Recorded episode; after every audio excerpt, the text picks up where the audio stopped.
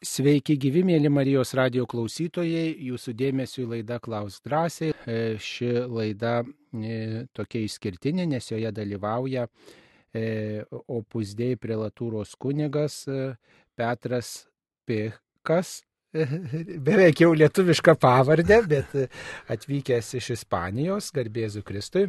Ramsius, amen. Ir labai gražiai, į, kaip sakant, į, įsitraukęs į lietuvišką pastoraciją, į, į čia šitą vietinę bažnyčią. Tikrai gražu žiūrėti, kai jūs randat kalbą su jaunai žmonėmis, su šeimomis, su įvairiais žmonėmis ir tikrai padedat žmonėms artėti prie Dievo. Prie mikrofono taip pat esu aš, kunigas Saulis Bužauskas. Taigi, džiaugiamės, kad šiandien yra e, Šventojo Pranciškaus Ksavero šventė. E, keletą dienų, devynias dienas meldėmės Pranciškaus Ksavero noveną prašydami įvairiausios pagalbos iš, e, iš viešpaties užtariančiam šventajam. E, taigi šiandien tokia šventė ir kviečiame aplankyti Pranciškaus Ksavero bažnyčią Kaune. Ir kaip girdėjot praeitoj klausk drąsiai laidoje, kunigas Tasys Kazėnas, jėzuitas Pranciškų Ksaverą prilygino šventajam apaštalui Pauliui, kuris turėjo tokį misionierišką įkarštį. Na va ir šiandien mūsų laidoje taip pat misionierius, ne jezuitas, bet iš opusdėjai bendruomenės, kunigas Petras. Taigi, kunigė, gal keletą žodžių tarkite apie opusdėjai bendruomenę. Vis pasitaiko klausimų, vis žmonės domisi ir, ir visokių legendų šitą organizaciją e, sulaukė, jie apipinta įvairiais pasakojimais ir romanuose. Tai tai keletą žodžių pristatykite iš pirmų lūpų. Norime išgirsti, kas tai yra, kokia tai bendruomenė. 15 metų gyvenau Kaune, dirbau Kauno teologijos universitete. Ačiū Dievui, kad jau Lietuvoje jau yra papuosta sniego. Esu, esu iš Barcelonos, tenéis nedaug sniego yra y tada labai dėkojam Dievui, kad dosnus mums siunčia sniegą. Ir Opus Dei yra įsteigtas Sventas Jose Marija, gavo įkvėpimą iš dangaus, kad kiekvienas žmogus turi stengtis visą, viską tobulai padaryti. Ne? Ir kai aš kalbu su studentais, pasakiau, žiūrėkite, tu turi gauti dešimtuką universitete, tu turi gauti dešimtukas namie ir turi gauti dešimtukas ir bažnyčiose. Tada mes bandom e, ugdyti žmogų visapusiškai ir, que tes barbiausa netik pralesti perdaulaiko. Em, bas nitxo se, darbe, irgie, su draugeiz. Ir karteiz, ket smones nori kasko dauiau, ateina pasmus, ir nori stiprinti, sabo dabasine gibenima, sabo profesine gibenima, ir sabo laiz balaiko E, na dar to, tokia mintis klando, kad tai tokia labai uždara bendruomenė ir pavyzdžiui iš šalies, jeigu žmogus paprastas vargšas, jis nelabai pateks, jeigu jis paprastas darbininkas, kad tai paprastai vienė tokius įtakingus žmonės, kurie turi e, e, solidžių pajamų, kurie ten užima kažkokias aukštas pareigas, kad tai yra tiem žmonėms skirta bendruomenė, va, tok, toks irgi yra mitas. Ką sakė Kunijas Paulius, atsitiko prieš mėnesį vienas įtakingas mūsis Amerikos nusileido į Barcelona. Ir paėmė taksi, o taksistas turėjo ant mašinos Sventas Jose Marijos kortelė, maldos kortelė. Ir tas amerikietis sakė, ką jūs darot su tą opus dei kortelė? Nu, aš kasdien meldžiuosi, bet palauk, mm, opus dei yra tik įtakingas žmonėms, tikrai. I ta taksista sakė, aš esu opus dei narės, aš galvoju, kad visi taksistai yra opus dei nariai. Ir nežinoju, kad ir turtingieji irgi yra. Tada žurnalistai paprastai nagrinėja opus dei tarp turtingųjų, bet mes pasaulyje turim daug vargsų mokyklų, kur žmonės, eh, supučiu, kai būna Luksninė Brazilijoje arba Indijoje turim mokyklas, kur bandom išlaisvinti nuo bargingumo žmonės. Taip, o kiek maždaug Lietuvoje yra žmonių, priklau, pasauliečių, kurie vat, vienais ir kitais būdais bendradarbiauja su Opus Dei bendruomenė? Mes e, paprastai no, turim Opus Dei centras Vilniuje ir Kaune. Ir tada mes esam šeši kunigai, vienas lietuvis ir visi kiti užsieniečiai, o paskui yra kas gyvena celibatas apie 12 vaikinai ir 15 merginų, o paskui yra, nežinau, 30-40 tėveliai, kur įstojo opus dei ir pasaukimas yra sukurti sventą šeimą. E, jūs jau esate tokio, nu, šiek tiek vyresnio amžiaus, e, va, ir, ir kaip sakoma, jau turite tokios solidžios patirties, kaip randat kalbą su jaunai žmonėm, tiesiog, žinot, mums metams vis bėgant, atrodo, e, su jaunimu vis sunkiau surasti bendrą kalbą, nes skiriasi tas mąstymas jų, skiriasi mąstymas ir, ir, ir tiesiog vertybės ir, ir, ir pomėgiai ir viskas ir atrodo, kaip čia susišnekėti su tais jaunais žmonėm, kuriem dabar atrodo rūpi visiškai e, kas kita, nei, nei mums rūpi, nei mums anksčiau rūpėjo. Iš tikrųjų, um, ne tik keičiasi kart, kartos, bet labai greitai keičiasi. Ne? Ir dėl to reikia būti su jais. Ne? Mano manimo, kad jeigu tu 15 minučių per dieną gali skaityti Facebook arba Instagramą, tada pamatai, kur link eina jaunimas. Bet Jėzus yra vienintelis žmogus, kur gali išlaisvinti jaunimą nuo tris pagrindinės priklausomybės. Ne? Žmonės tinginiauja, žmonės yra, yra egocentristai, žmonės yra išpuikus. Ne? Ir tada žmonės ieško pasaulyje, kas gali išlaisvinti nuo priklausomybės, net to, kad išoriškai jaunimas atrodo laimingas, bet iš vidaus, um, sakyčiau, um, yra sunkiau atsispirti nuo pagundo dabar negu mūsų laikais, dėl to, kad jie turi tą telefoną ir tenais žmonės bombarduoja. Taip, tai ačiū už keletą minčių apie opusdėjų bendruomenę. E, štai jau atsiustos kelios žinutės, kurias galime e, perskaityti ir pabandyti jas atsakyti. Ar galima šventų mišių, šventų mišių aukoje turėti tokią intenciją - prašyti laimingos mirties malonės ir paukoti šventoms mišioms pirmą mėnesio penktadienį? E, teko tokį pamaldumą girdėti, kad žmonės prašytų laimingos mirties malonės, pavyzdžiui, Ispanijoje. Mes turim em, šventasis Josapas yra laimingos mirties globėjas, dėl to, kad kai šventasis Josapas mirė, buvo apsuptas nuo Marijos ir Jėzaus. Ne? Ir mano manimo, kad tuo pačiu metu Jėzus papasakojo, kas bus dangui nes manau, kad mieliai mirė Josapas, to, kad kartais čia e, kas savaitę jau jūs skaitot laikrastį, sakė, u, da, nauja karta gyven šimtą metų. O aš pasakiau studentams, žiūrėkite, apsimoka gyventi 80 metų maždaug, o paskui greitai į dangų, dėl to, kad tenais bus akvaparkas, bus fiesta, eh? visa amžinybė. Taip, tai šventasis Juozapas labai yra mm, tas veiksmingas gelbėtojas per visus laikus, kai žmonės prašė jo užtarimo. Ir maldaknygėse bandau surasti tos laimingos mirties malonės, bet greitosiomis dabar taip ne sunku surasti, yra tik tai tik tai malda į šventąjį Juozapą. Tačiau senose maldaknygėse būdavo toji malda prašant laimingos mirties malonės.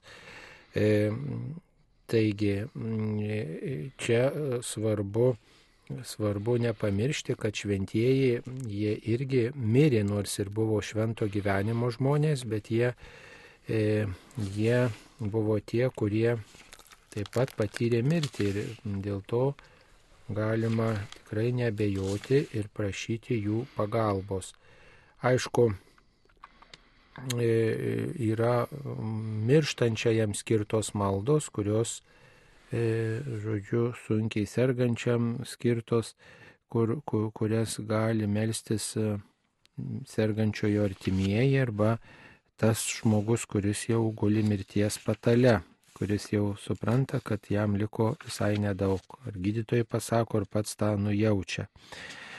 E, tai va, o, prašyti tos laimingos mirties ir melstis pamaldumą pirmąjį mėnesio penktadienį, tai tikrai yra ta galimybė, nes visi, kurie devynis pirmosius mėnesio penktadienius eina komunijos, eina prieina iš pažinties, dalyvauja šventose mišiuose, meldžiasi Jėzaus širdies litaniją, tai jie tą pirmąjį mėnesio penktadienio malonę praktikuoja ruošiasi ją priimti ir dėl to e, gali tinkamai, e, tinkamai pasiruošti, pasiruošti mirties valandai ir e, tikrai ta malonė suteikiama, kad žmogus na, mirties valandai prieartėjus ir sulaukia kunigo, priima ligonių sakramentą, atlieka išpažinti, taip sakant, nenumiršta be šventųjų sakramentų, nenumiršta mm, taip, be pasiruošimo.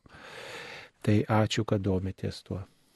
Irgi dabar Lietuvoje populiarėja tik prašyti laimingos mirties malonę, bet dažnai ateina merginos su pas mane ir sakė kunigė, ar galiu užsakyti misės kad surastų gerą vyrą ir susibūrė nemažai merginų, kad Dievas dovanotų jiems, jiems super gerą vyrą ir katalik, kataliką vyrą. Tada, mano manimo, kad kuo daugiau minčių intencijos įdedam į misijas, tuo greičiau eisim šventumo link.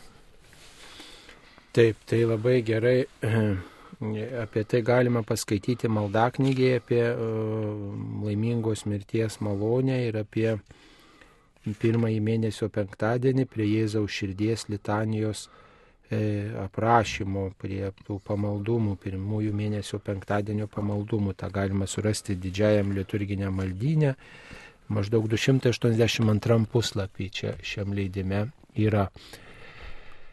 Taigi žiūrime, kokios, mm, kokios, mm, kokios žinutės užrašytos toliau mums atsiustos.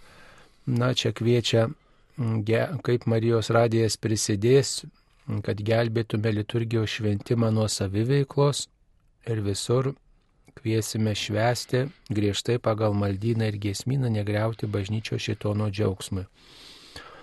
Nu tai Marijos radijas pirmiausiai transliuoja šventasias mišes iš įvairiausių vietų ir ne tik tai Marijos radijas turi prisidėti, bet visa bažnyčia turi laikytis liturginių principų, kiek įmanoma, kiek galima ir švesti pagal tai, kaip yra numatyta.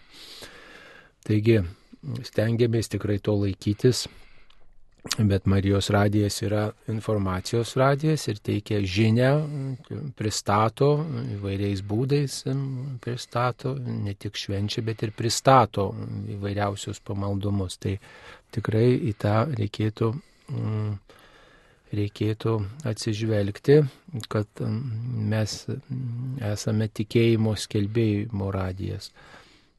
Taip, dabar dar viena e, žinutė jai pakviesti į studiją e, apie stebuklus, kalbantį žmogų, kuris kalbėtų vėž, apie vėžio išgyjimą ir pasakytumėt kokį atvejį, kur Dievas nutrauktų stuburo nervų sujungį arba mirštantį akies nervą atgaivino. Sakoma, kad Dievui nėra negalimų dalykų, paaiškinkite, kur tiesa, o kur melas, o gal tiesiog bažnyčios užsima stebuklų manipulacija. Nu, jeigu bažnyčios susimtų stebuklų manipulaciją, tai jūs išgirstumėte apie stebuklus iš įvairiausių sričių. Mhm. E, tiesiog O dabar išgirstam tik apie tuos stebuklus, kurie gal įvyksta arba kuriuos kažkokiu būdu pavyksta pagrysti.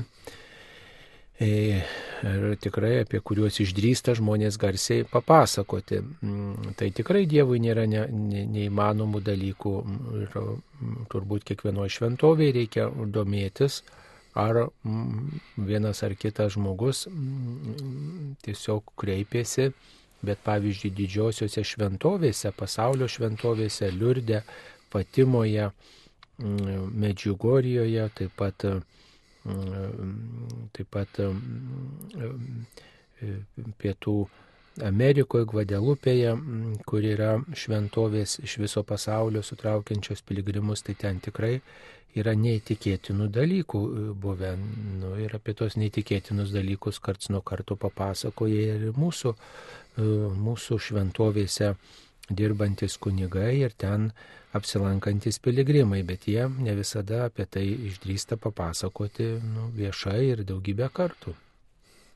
Taip, ir mm, aš gyvenu su vienu žmogum, kur jau du kartus gydytojai sakė, tau liko trys mėnesiai bet mes visą bendruomenę meldėmės ir jis gydytas, ne? Ir mes sakom, Richardas, tu esi Vagy so jantis este uklas, ne?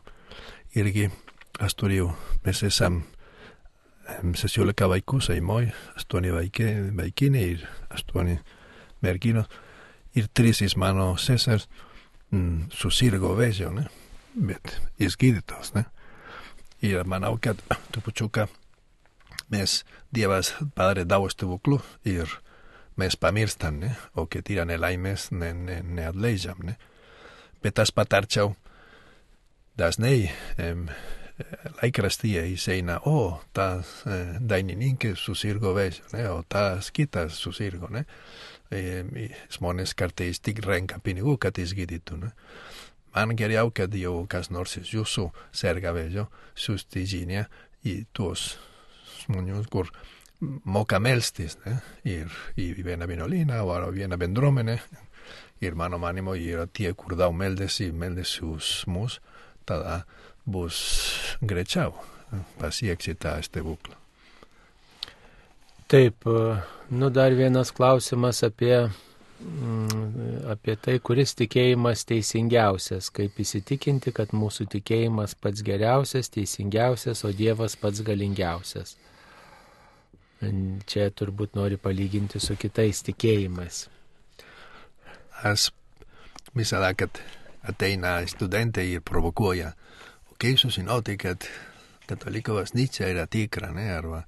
Kodel universiteto se me studium kopličas ir ne turim eh, sinagogos arva kaskat kitei, ne. As pasa kiau, mira, vienas istuja inclusira ket tik katolik, katoliko vas Nietzsche turi bienive, ne. Ir del bienives turim lideris, ne. Vis, visas pasaulis žino, kad kataliko lyderis, eh, lyderis yra popijos pranciškus, ne? Bet aš nežinau, kas yra anglikonų arba musulmonų arba eh, eh, mormonų lyderiai, ne? Tada Dievas palaimė mus, turėdamas visą, per 2000 metų visą turėjo popiežių.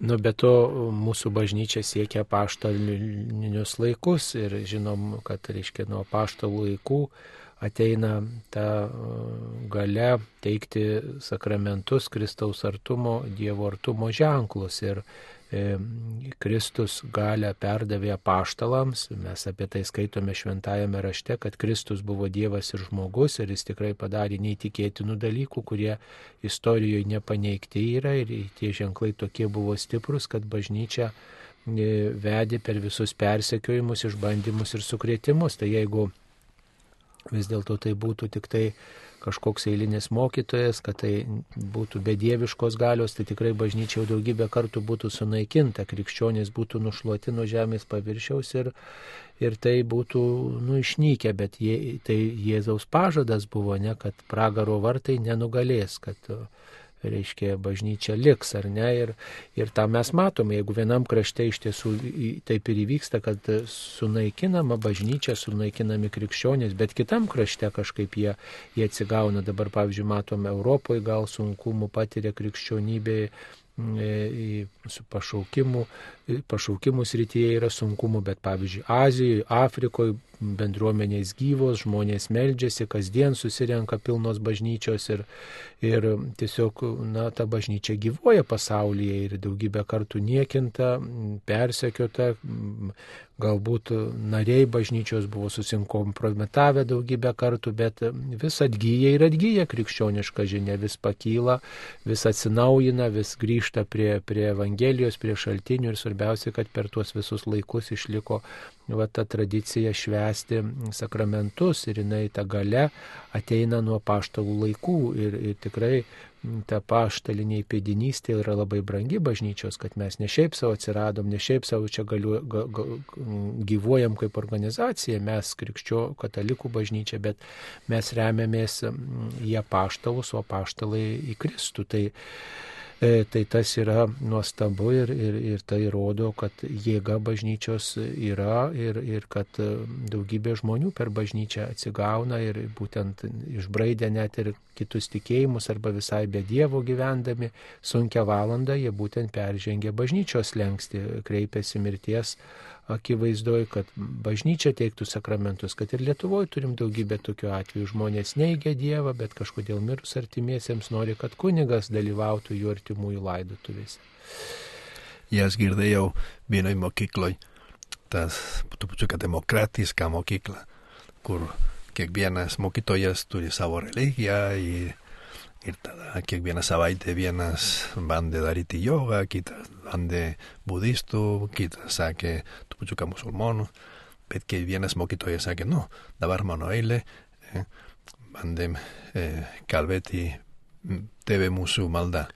Ir pamatė, kad visi mokytojai kalba tėvė mūsų. Tai reiškia, kad ačiū Dievo Lietuvoje, dauguma yra katalikai, bet paskui yra link mados religijos. Taip, dar vienas klausimas apie opusdėjai. Ar galima paklausti, Lietuvoje opusdėjai praktikuoja politikai, e, nes jie vengia eiti į bažnyčią, kad jų neapstumdytų. Ar tas pats ir Katalonijoje? Štai vienas toks klausimas. Nu, turbūt lanko bažnyčią, ne tik tai opusdėjai bendruomenė politikai, kurie lanko bažnyčią, ar ne? Taip. Mes opusdėjai niekada nekalbės apie politiką, bet kalbam, kad politikai sąžiningai turi e, atlikti savo pareigas. Ne? Ir kaip e, prieš dešimt metų tas ministras Kreivys irgi buvo ministras ir žurnalistas bandė filmuotis ir slapčiai e, įrašyti, ką jis pasakė. Ir sakė, wow, ministras per daug meldėsi, ne? Ir tada kardinolas Stankevičius ėjo į, į laikrastį sakė, ačiū Dievui, kad politikai irgi kasdien meldėsi, jeigu nebūtų, kad mūsų močiutės, kai buvo tankų okupacija, ačiū Dievui, kad Dievas nešojo rožinį ir sustabdė tankas. Tada mes niekada eh, nekalbėsim apie politiką, bet raginam piliečius, kad įsikistų į politiką. Dėl to, kad mes katalikai turim, kai sakė popiežius, turim eiti į pakrastį, į periferiją. Taip, o dabar dar vienas klausimas apie Kataloniją. Ar jūs už Katalonijos atsiskyrimą nuo Ispanijos? Aš negaliu e, reikšti už ar prieš, bet ačiū Dievui, mes kaip katalikai mes norim sujungti pasaulį. Ne? Ir dabar manau, kad neturi prasme įsiskirti. Ne?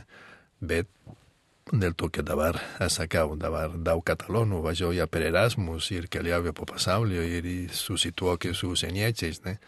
Tada, mano manimo, ateityje nebus, eh, bus, bus tik vienas valstybės ir viena religija. Taigi čia dar pažiūrėsim, kaip visas tas pasaulis toliau, kaip sakant, rėdės. Svarbiausia, kad e, žmonės vienas kitam gerklės neperkastų. Taip, dabar dar žiūrim vieną tokią žinutę yra apie antrą Vatikano susirinkimą. Per radiją kalbėjo, kad antrojo Vatikano susirinkimo nutarimai liturgijoje per šią dešimt metų dar nėra pilnai gyvendinti. Prašau pasakykite, kas liko nepadaryta. Nu tai, mato, dar nepadaryta liko toks labai svarbus dalykas. Manau, kad pasauliečiai dar nėra taip įsijungę į bažnyčios gyvenimą, nėra tokie sąmoningi, nėra tokie atsakingi, nėra tokie įsipareigoję bažnyčiai, taip kaip kvietė antrasis Vatikano susirinkimas. Arba pavyzdžiui, ten, kur jie yra atsakingi, galbūt jie per daug yra netgi kuniga kitur nustumę arba truputį nu, gal tą atsakomybę ėmėsi, na, truputį gal tokiu kitų lygmenių, norėdami užimti gal kunigo vietą ar ne, bet, bet ne, ne patys savo šeimose, būdami tokie aktyvūs šventumo siekėjai, šventumo gynėjai. Kitas dalykas, pavyzdžiui, liturginis šventimas. Antrasis Vatikano susirinkimas kviečia visą bendruomenę įsijungti kad visa bendruomenė įsijungtų, dalyvautų E, atsakinėtų, e, va, tas toks pilnas dalyvavimas, nu toliau ekumenizmo siekis dar yra, ne, tai pavyzdžiui Lietuvoje, tai dar čia daug ir daug ir kitose šalyse daug kur čia reikėtų stengtis teisingai suprasti antro Vatikano susirinkimo nuostatas. Teisingai, ne. Yra dabar daug kalba bažnyčioje, kad vienas iš tų trūkumų yra klerikalizmas. Ne? ir reikia sunku paaiškinti, bet sakykim, kad kunigai turi autoritetą, bet eh, neturi potestas, ne, ką suprasti, kad eh, kunigas turi būti patarėjas, ne, bet ne vykdytojas. Ne, ir tada, kai jūs pasauliečiai nori kažką sukurti, kažką daryti, eh, visada galima užsukti pas kleboną ir, pa, ir paklausti patarimo bet paskui jūs laisvai darykite, ko norit. Ne? O kartais jūs norit, kad e, nuotraukose ir, ir pirmo eilėje būtų kunigėliai arba vienuoliai. Ne? Ir mano manimo, kad e, jūs turite daugiau dirbti, o kunigai turim pasislėpti trupučiuką. Nu, bendradarbiauti turbūt turėtų, ar ne, ir vieni pasiskirstyti tom tarnystėm ir tinkamai atlikti ir na, at nebūti tokie tik vartotojai, bet tokie samoningesni žmonės, nes ką dabar pastebime, pavyzdžiui, Lietuvoje, tai daug tokių, tokių vartotojiško yra mentaliteto, kad žmonės ateina paslaugos, ar ne, bet jie nėra aktyvūs bendruomenės nariai, jie nėra tie, kurie įsipareigotų sąmoningai švesti tikėjimą, kad ateina į mišes dėl to, kad yra už jų artimuosius užsakytos mišios, bet ne dėl to, kad kažkokia liturginė šventė, ne dėl kažkokio šventojo ar ne dėl kažkokio Kristaus gyvenimo įvykio. Pavyzdžiui, tas sekmadienio šventimas jis dar neįgavęs tokios reikšmės, prasmės, apie ką kalba bažnyčios dokumentai. Mm, e, lygiai taip pat pati ta bažnyčios misija, ar žmonės suvokė save bažnyčios nariais, ar jie tikrai priima Kristų kaip, kaip tą, kuris numirė ir prisikėlė, ar, ar visas tas tikėjimo centras apie Kristų sukasi, ar ne apie mano poreikius. Aš turiu draugą, jis yra įmonės e, direktorius ir kasmet kaip reikės vesti įmonės, na, nežinau, kaip įkurtuvės ir taip toliau. Jis visą sakė, kunigė, mes eisim su bendradarbės į bowlingą, paskui į restoraną, bet norim, kad pradžioj jūs aukotų misės. Ir tada, šitą yra labai geras dalykas, spalvinti viską, ką mes darom, pradžioj galima pradėti maldomis. Taip, tai e, tikrai svarbiausia, kad mes tuos antrojo Vatikano susirinkimo nutarimus skaitinėtume, nagrinėtume, svarstytume, atkreiptume dėmesį, e, domėtumės pirmiausia, nes ne visi žmonės net ir bažnyčioje būdami žino, kad toks antrasis Vatikano susirinkimas buvo, kiek jis reikšmingas tiesiog nu, nesidomi bažnyčios gyvenimu ir to tokio samoningumo dar trūksta. Tai va, nuo to priklauso. Ar ne? Pavyzdžiui, net ir tą tikėjimo išpažinimą ilgai, pavyzdžiui, nenori žmonės melstis, ne? o tai, sakykime, ai mes pripratę, žodžiu, tokiu inertiškumu, pripratę prie senojo, tokiu inertiškumu yra daug, kuris, kuris yra žalingas mūsų santykiui su Dievu. E, taip, ar kovojant su aistromis verta miegoti mažiau, keltis anksčiau maldai? Miegoti mažiau ir keltis anksčiau, kad galėčiau pasimelsti ir kad aistros būtų mažiau. Um, yra įspūdingai dėl to, kad um, jau tu skaitai um, intervius apie Hollywoodo žvaigždės, jie eh, praeina 50 metrų ir rase supratau, kad kiekvieną dieną reikia atsikelti anksti ryte ir būti po šalto dušo.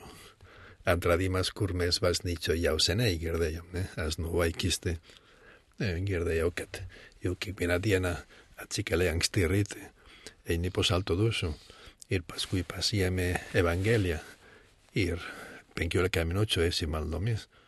Tai labai faina, ne? Aš patarčiau, kaip sakiau studentams, ar jūs sugebat įseiti į namų be pakrauto telefono? Ne, ne, neįmanoma.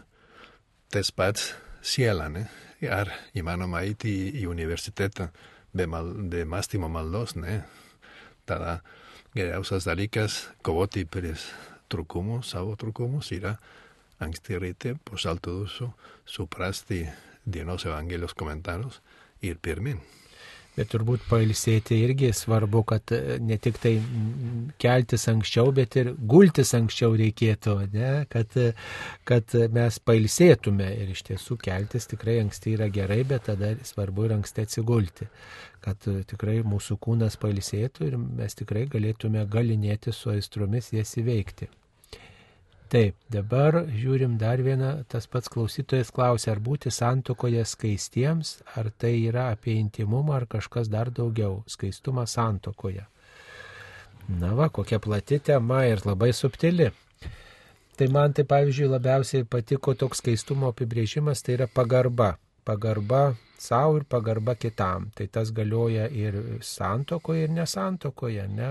Pagarba savo žmonai, pagarba ištikimybė jai, Tai reiškia, nežiūriu į kitas arba mm, į tame žvilgsnėje nėra gašlumo arba iš, nuo, nuo tokio žvilgsnio reikėtų, kaip čia pasakyti, nusukti akis, bėgti ir vengti tokio žvilgsnio ir tada gerbti savo žmoną, gerbti, žiūrėti kaip į asmenį, ne tik tai kaip į vartojimo objektą, įsiklausyti į, į, į to žmonos ir poreikius ir, ir tokios pagarbos turėti. Tai daug, daugiau apie pagarbą, mano, taip pat tokiu žvilgsniu. Irgi pasakyčiau, kad kartais ateina studentai, sakai, nu, kuni, dabar populiarėja pasaulyje, kad, kad tu savaitgalis yra fiesta, eini į diskoteką, eini į barą, ir tada galima kiekvieną savaitgalį miegoti pas kitą merginą gerai ar negerai.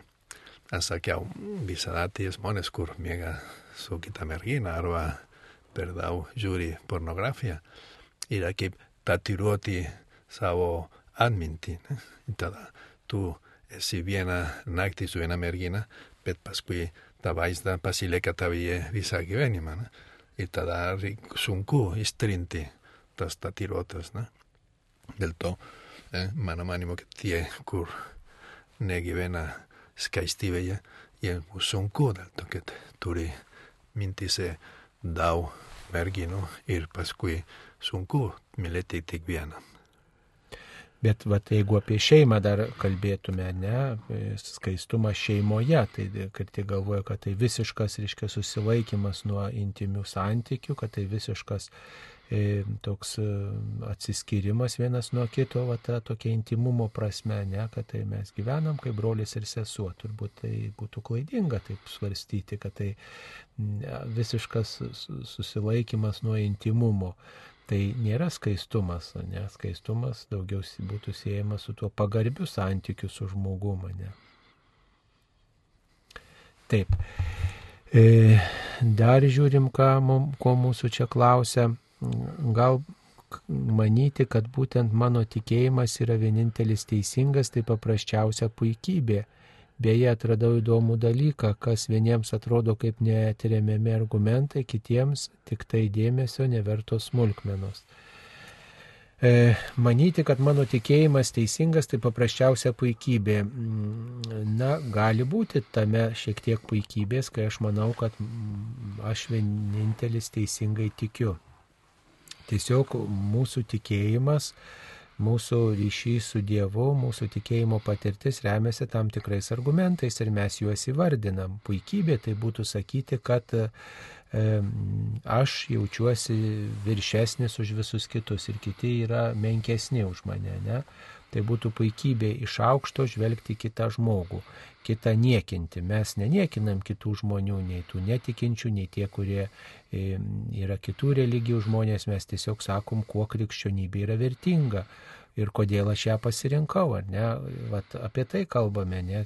apie kokį, kokį lobį teikia krikščioniškas tikėjimas ir kodėl tai yra svarbu, nes, nes patys esam Kristų patyrę ir priimam, kad bažnyčioje yra, yra tiesa, o kit, kiti tikėjimai, Tai, na, kaip ir antrasis Vatikano susirinkimas sako, kiti tikėjimai taip pat turi tų tiesos grūdų, bet vat, juose trūksta to, ką mes įvardinam argumentais, mūsų tikėjimo vertė, svoriu, lobiu.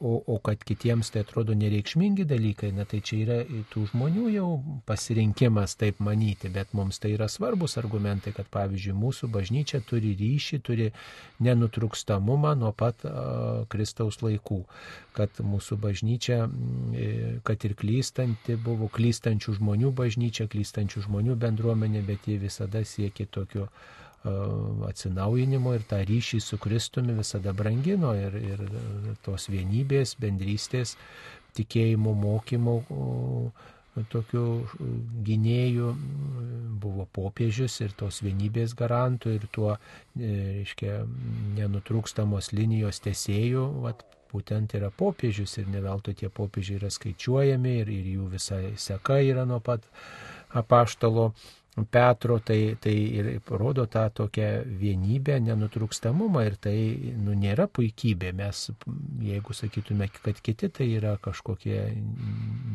beverčiai žmonės, kad mes čia viršesni, tiesiog mes atsakom ir svarstom apie tai, kuo, kuo džiaugiamės ir į ką remiamės. Va, o kad kitiems tai nereikšminga, tai, tai vis dėlto yra tų žmonių pasirinkimas.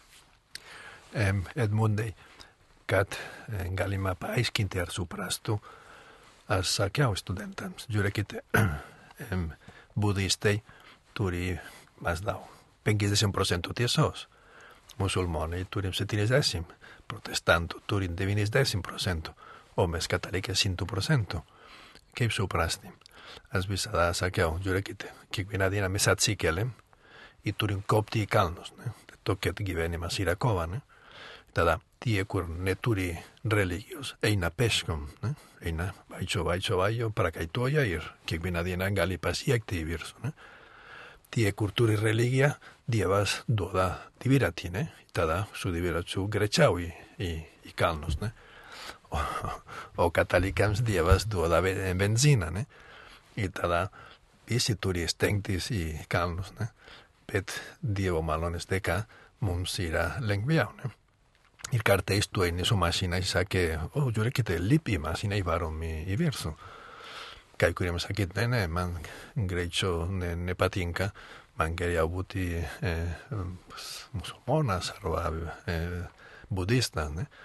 Tada puikybės nėra puikybės dėl to, kad Dievas mums dovanoja benziną ir mes dėkojam, bet mes esam paprasti žmonės kaip visi kiti.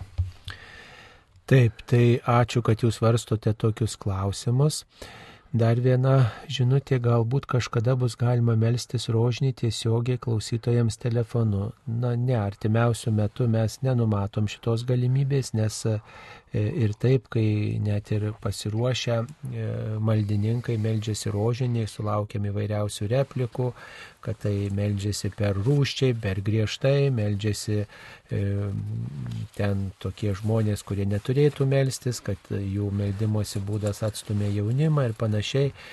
Tai jau žmonės yra, kurie pasiruošę, kurie, reiškia, gal ir, ir, ir, ir žinomi ir visa kita. Tai Ir tai dar ne visiems tas meldimosi būdas priimtinas, o jeigu įvairiems klausytojams tą leisime, tai tada tas na, dar labiau gali sukelti tokį pasipiktinimą, priešiškumą, ar nesakyčiau, jeigu norite melstis per Marijos radiją, tai tikrai junkitės į savo parapijos bendruomenę, ten vienu ar kitu laiku tikrai ta galimybė yra ir tada galėsite melstis tiesiog ir, ir, ir, ir, ir truputį gal ir pamokys kažkas, kas ten ten atsakingas yra, arba pavyzdžiui, čia pas mus ir Marijos radijoje meldžiasi įvairūs maldininkai įsipareigoja, galbūt jums tai irgi, pavyzdžiui, priimtina tokia galimybė. Tai e, čia, va čia būtų tas toks puikybės gal aspektas. Aš noriu melstis e, viešai, kad visi girdėtų. Svarbiausia, kad Dievas jūs girdėtų, mėly mano, ir jeigu jūs melžiatės namuose nuo širdžiai, tai tikrai yra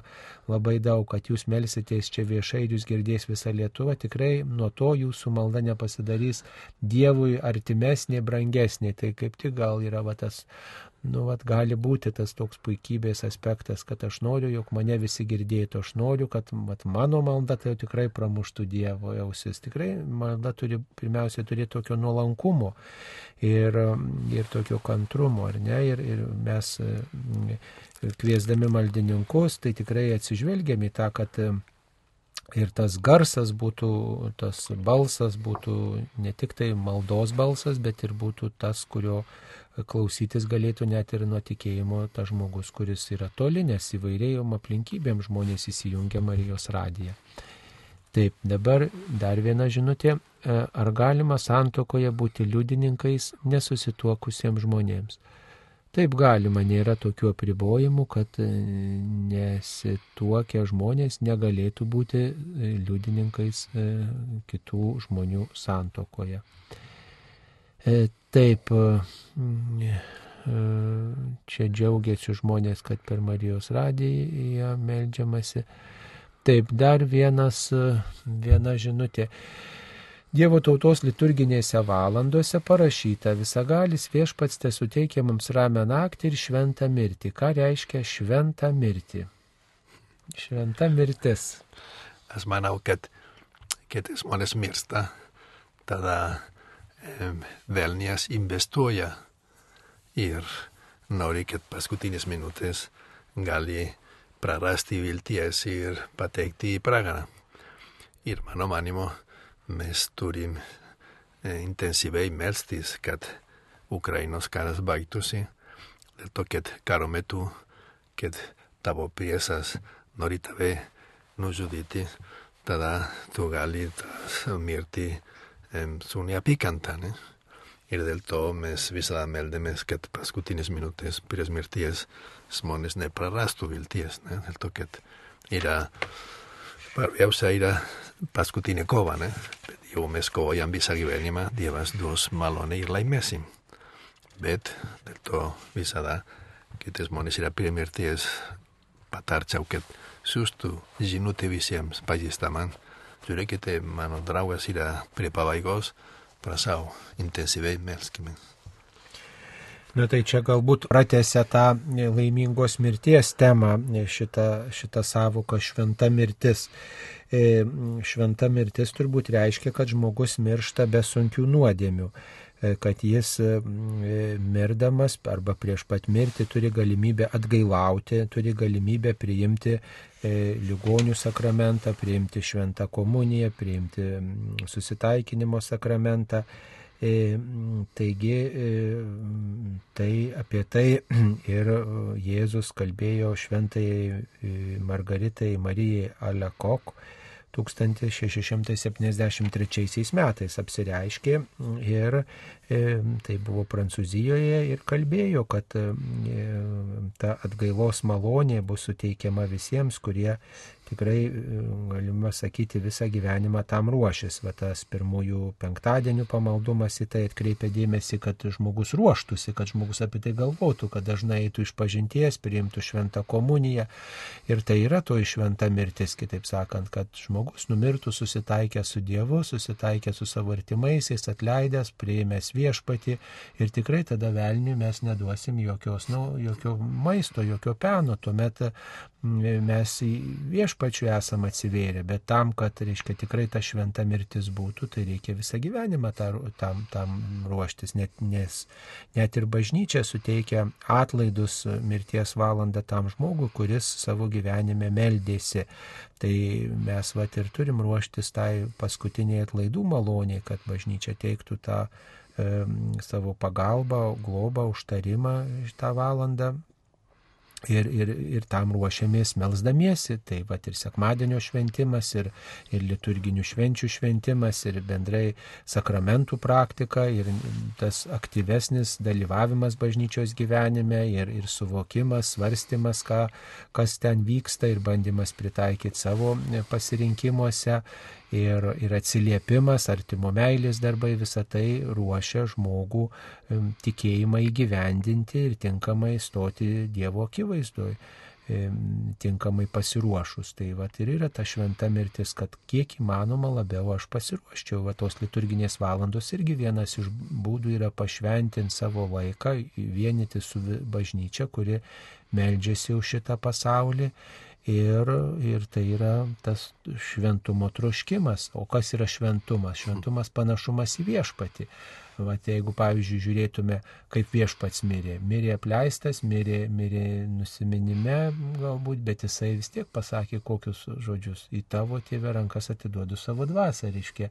Į, į, į tėvą jisai atsirėmė paskutinę tą valandą, reiškia. Tai ir yra tas, tas troškimas, kad ir mes taip mirtume, ir mes pasakytume tuos žodžius viešpatie, į tavo rankas viską atiduodu, tu pasigailėk manęs. Tai va tai ir yra šventa mirtis, kurios mes visi turėtume. Tai va klausimas, ar norime. Tai apie tai reikėtų irgi svarstyti. E, taigi, žiūrim, kokios dar žinutės atsiustos. Aha, Mūsų diev, ar mūsų Dievas žino viską į priekį, kiek gyvensime ir jam tikėsime, kada numirsime. Be abejo, kad Dievas viską į priekį žino, nes jis visagalis ir visažinis. Tai reikia apie tai e, nepamiršti. Bet e, tai nereiškia, kad jau e, nėra pasirinkimo galimybės mums, ne, mūsų kelyje.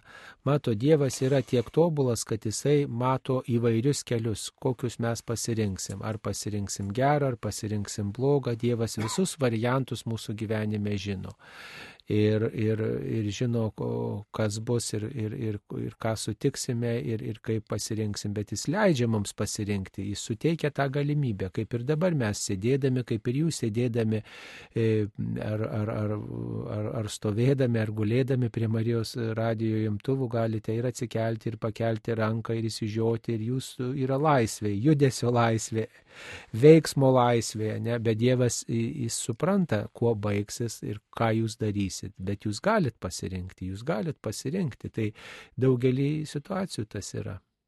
Aš manau, kad kai pateksim į dangų, ten gyvensim amžinybėje. O ką veiksim tiek daug laiko, aš manau, ten bus kino teatras ir tada Jėzus pasakys, žiūrėkite, jeigu būtų pasirinkęs gyventi Vilniuje vietoj Kaune, tavo gyvenimą būtų sitaip, ne? Jau būtų susitokęs su, su tuo, o su kitu tavo gyvena kitaip, ne?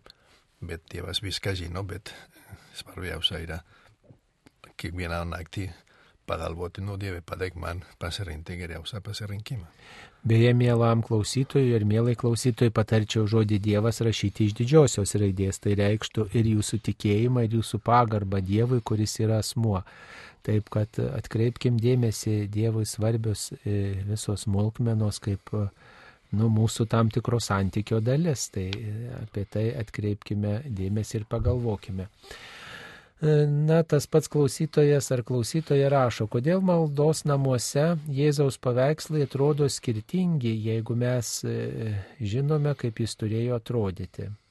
Na, nėra Jėzaus nuotraukų, e, yra tik tai dailininkų paveikslai, bet iš esmės tai nėra labai jau tokie skirtingi e, tie paveikslai, ar ten e, vis tiek e, nu, išlaikomos tam tikros E, tam tikros, kaip čia pasakytos, kompozicijos ir, ir, ir bruožai tam tikri bandoma atspindėti, nes e, tiek paveikslai kopijuojami, žinot, nebuvo nuotraukų, tai tapyta nuo paveikslų, vien, nuo, nuo vienų paveikslų prie kitų, reiškia, bandoma perteikti tuos atvaizdus laikantis tam tikrų principų.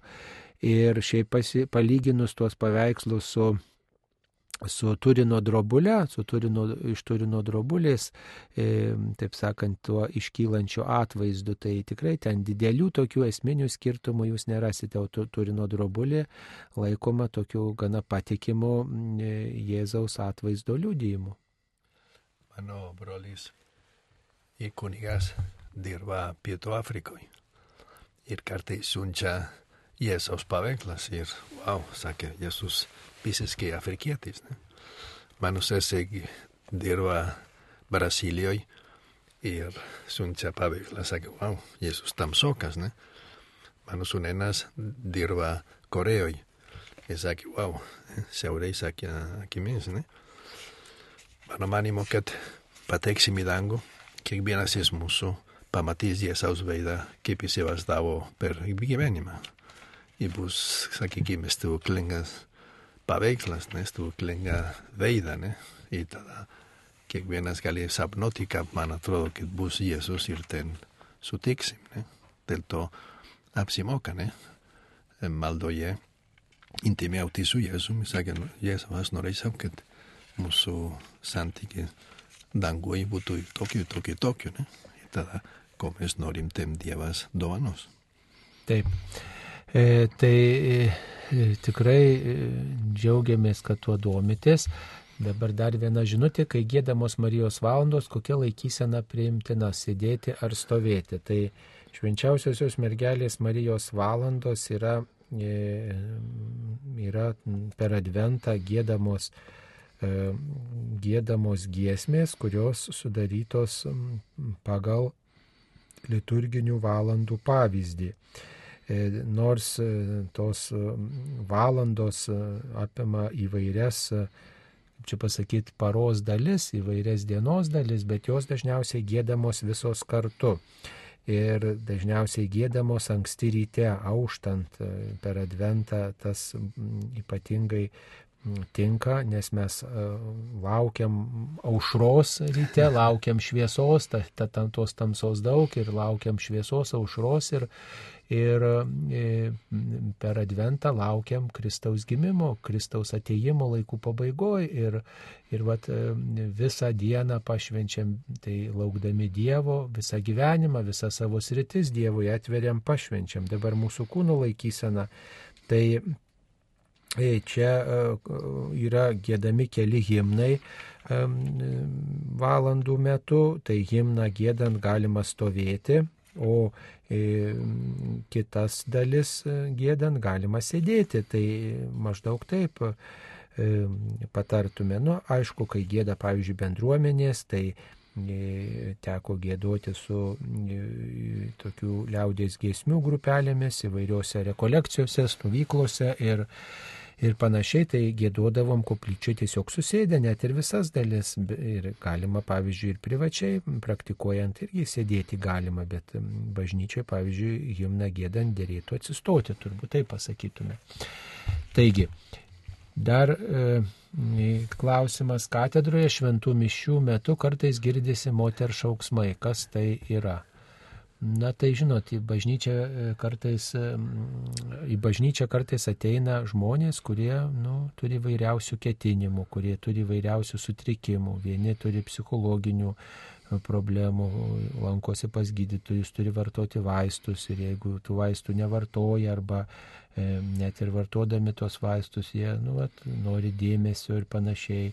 Kiti ateina žmonės, kurie turi tam tikrų dvasinių problemų, ne Nežinau, apie kurią čia moterį kalbate, tačiau jeigu taip sakant, apie tą pačią, kurios kartais šauksmus ir man yra tekę girdėti, na tai, nu, tai žmogus, kur turi tam tikrų sveikatos problemų ir, ir tiesiog kartais tokiu būdu nu, atkreipia kitų žmonių dėmesį ir aišku, tai labai trikdo pamaldų pamaldų eigą, kai ten bažnyčios tarnautojai nori tą moterį nuraminti ar ten išvesti, tai būna tokių nu, nemalonių tokių procesų ir ta moteris pradeda šaukti, priešintis, tada žmonės tą aplinkui susiskaldo, vieni už kiti prieš, vieni sako, čia taip ir reikia, kiti sako, kodėl taip žiauriai, nu, va, nu ir aišku, kad tada ne apie Dievą yra galvojama, ne, ne, ne, sutrinka tas maldos toks ritmas ir, ir, ir santykis su Dievu kažkaip yra, nu, pastatomas į pavojų, ne, arba kitų rakursų, galima sakyti, kreipiamas tas santykis su Dievu ir, ir nu, tai sukelia įvairiausių minčių tokių, bet net neša ramybės, tikrai net neša tokios pusiausvyros, darnos ir, ir kiek žinau, jeigu čia apie tą patį žmogų kalbam, tai tikrai ten buvo kalbėta su tuo žmogum, bet kadangi žmogus, kaip sakyti, turi tokių iššūkių su sveikata, tai kartais net ir tie pokalbiai, paraginimai, priminimai, svarstymai autoritetingų asmenų jo nepaveikia, jis tiesiog, nu, vat, yra toksai ir, ir kartais galbūt, kas žino, gal viešpats ir tokius žmonės ir maištininkus mus, mums atsiunčia į mūsų gyvenimą, kad išbandytų mūsų kantrybę, mūsų mūsų pusiausvyrą, mūsų savitvardą ir, ir, ir tiesiog tokiu būdu ir mus viešpats per, per tokius šaukiančių žmonės neadekvačiai besielgiančius irgi kažko moko. Bet nepamirštim, kad popijus Pranciškus kartais patarė, kad tu esi viena, vienas koplyčioj arba bažnyčioj, kartais turi šaukti ir garsiai kalbėti dėl to, kad pasaulyje būna nemani neįsąmonės dalykus, ne, ir kartais um, reikia šaukti, kad jis, kas, jis suprastų, kad mes eskuvam, ne, sustabdyti tą karą, sustabdyti tą lygą arba tas sukčiavimas, ne, bet jau tu vienas koplyčioje, aš patarčiau, kad kartais reikia šaukti, ne.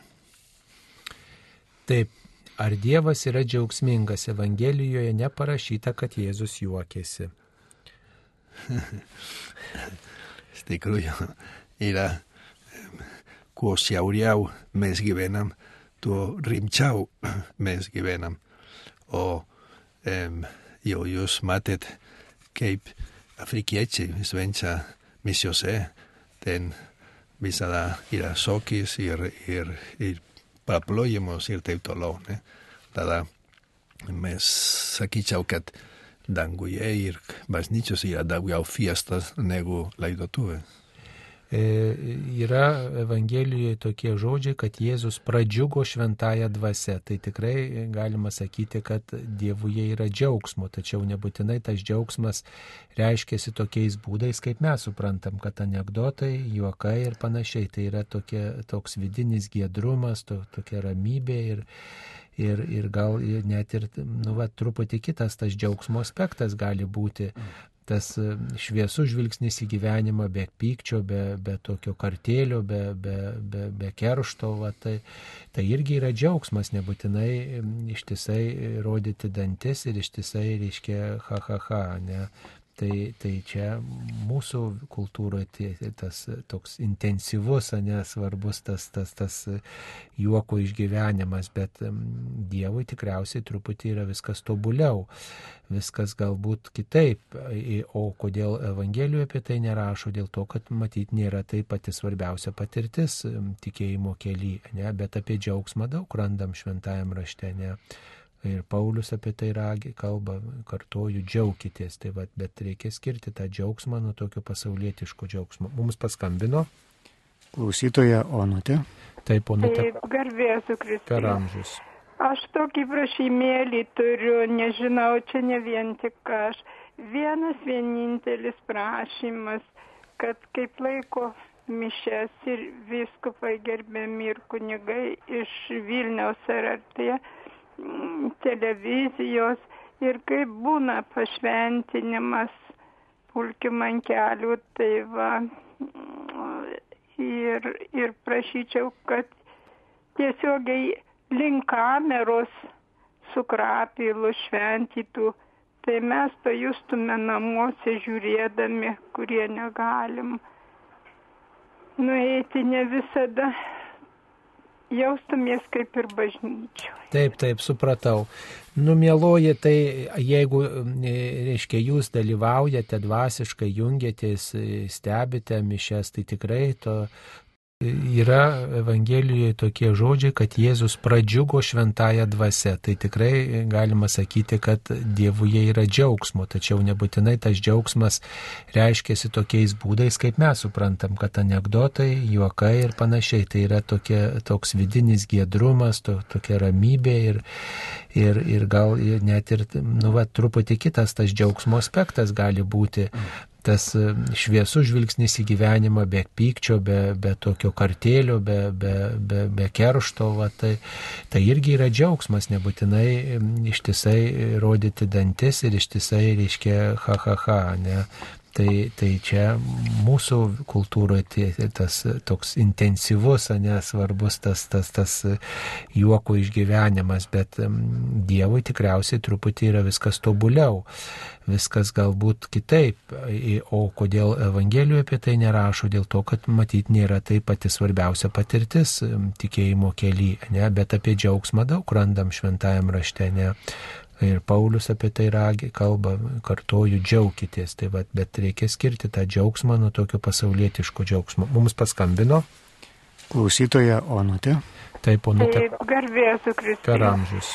Aš tokį prašymėlį turiu, nežinau, čia ne vien tik aš.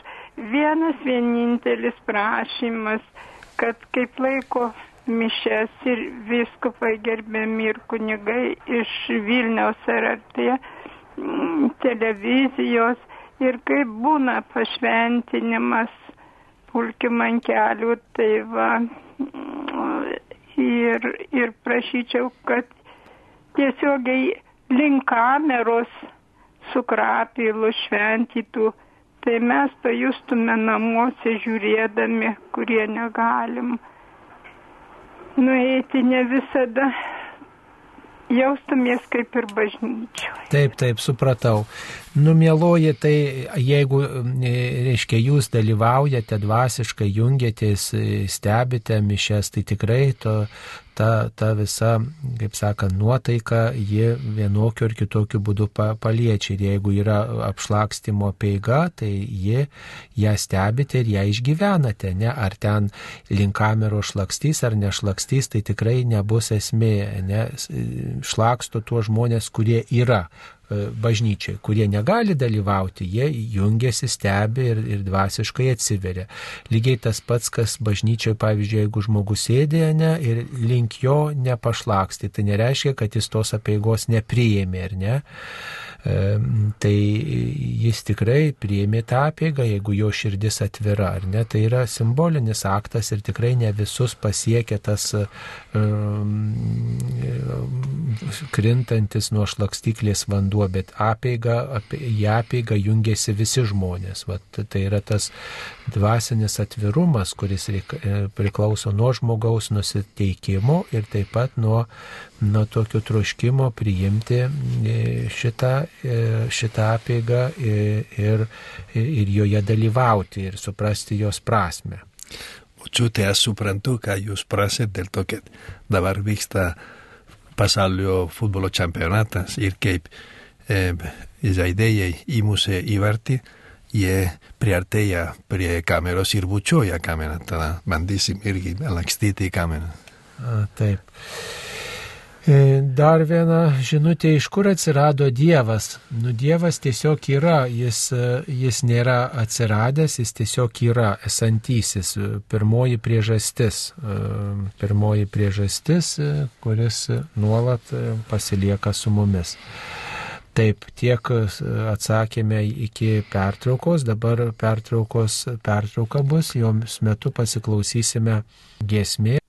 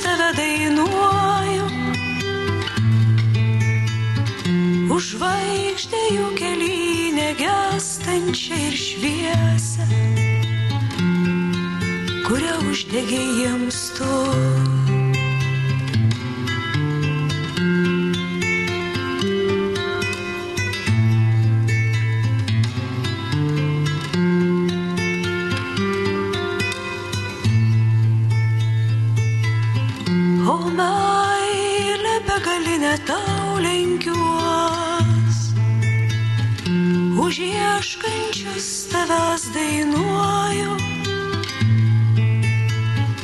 už viltį jų keli, už laisvės troškulį, kurį įkvėpė jiems tu. O meilė begalinė tau lenkiuos, už ieškančius tavęs dainuoju, už viltį jų keli, už laisvės troškulį, kurį įkvėpė jiems tu.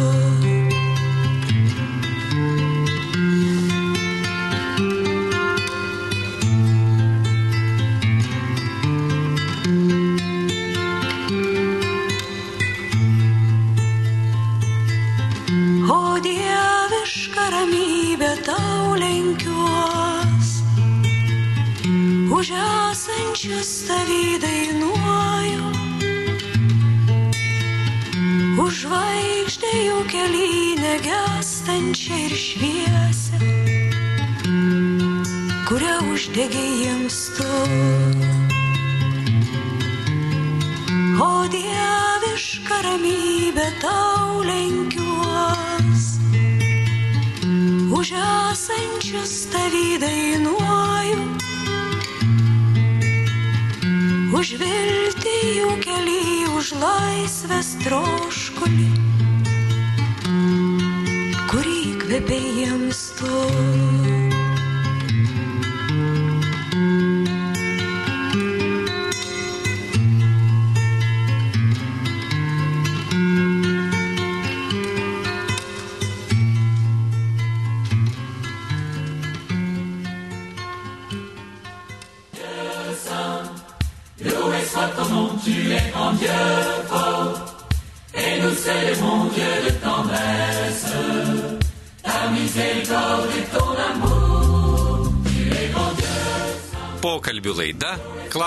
Klausk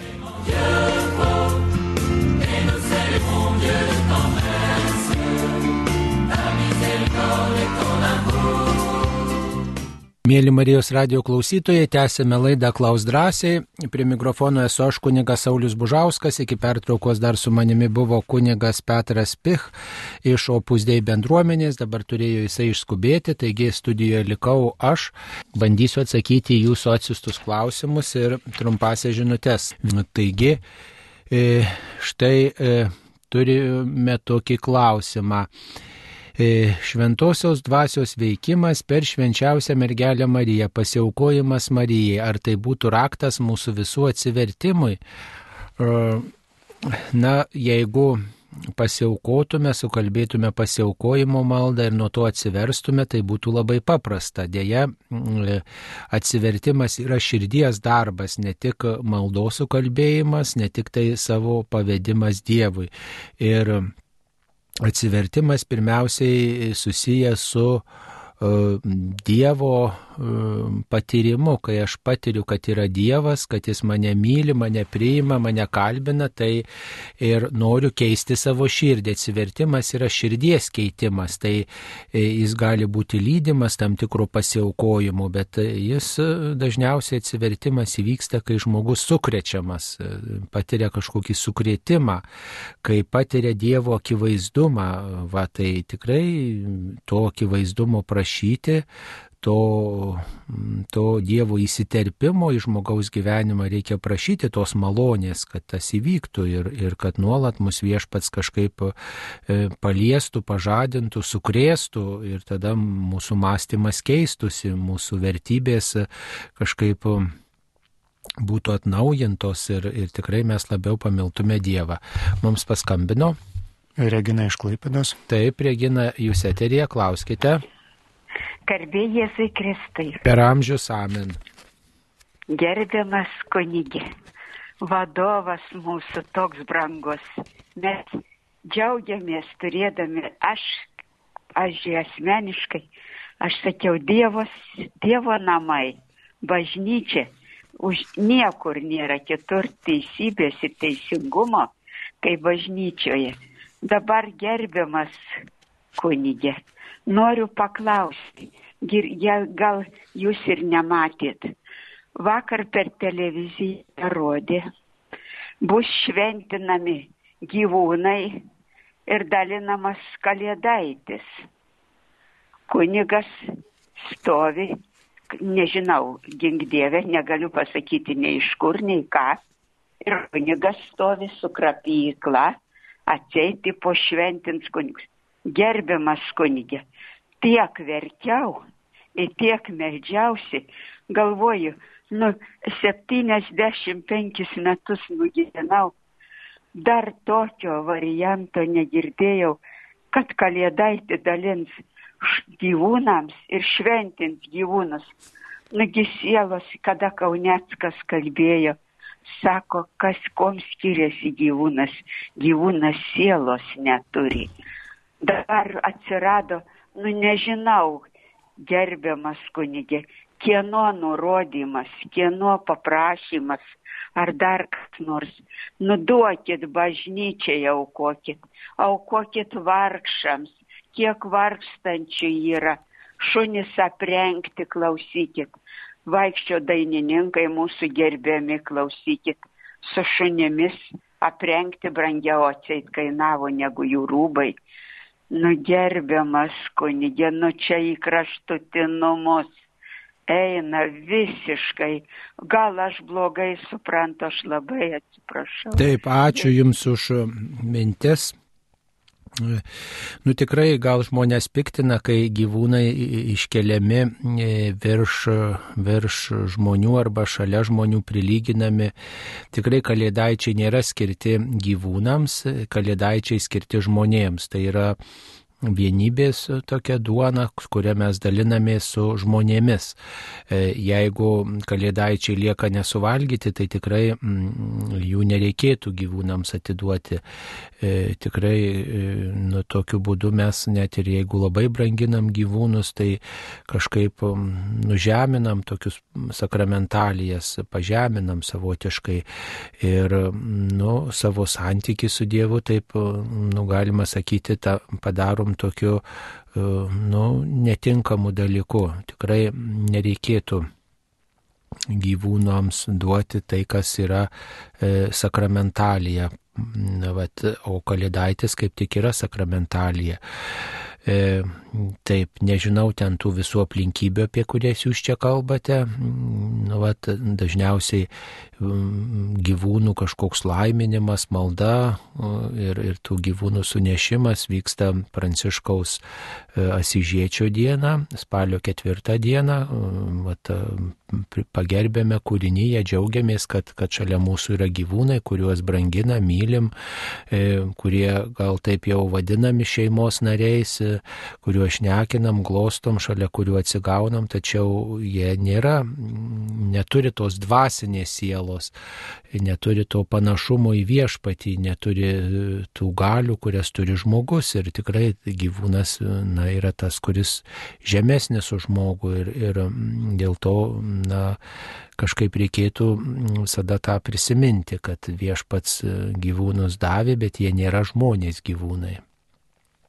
Tai nenusiminkit, mėloji Dievo, mes nepaniekinsim, mes tik tai savo santyki su juo subjaurosim ir save nuo jo atitolinsime. Tai melskime už tuos žmonės, kurie gal kažkokiais būdais iškreipia, sulaužo bažnyčios principus ir, ir kurie nori kažkaip sunaikinti senas tradicijas, kurios na, buvo kaip pagalba mums viešpati deramai garbinti ir, ir tinkamai elgtis e, su kitais žmonėmis tokia pagalba.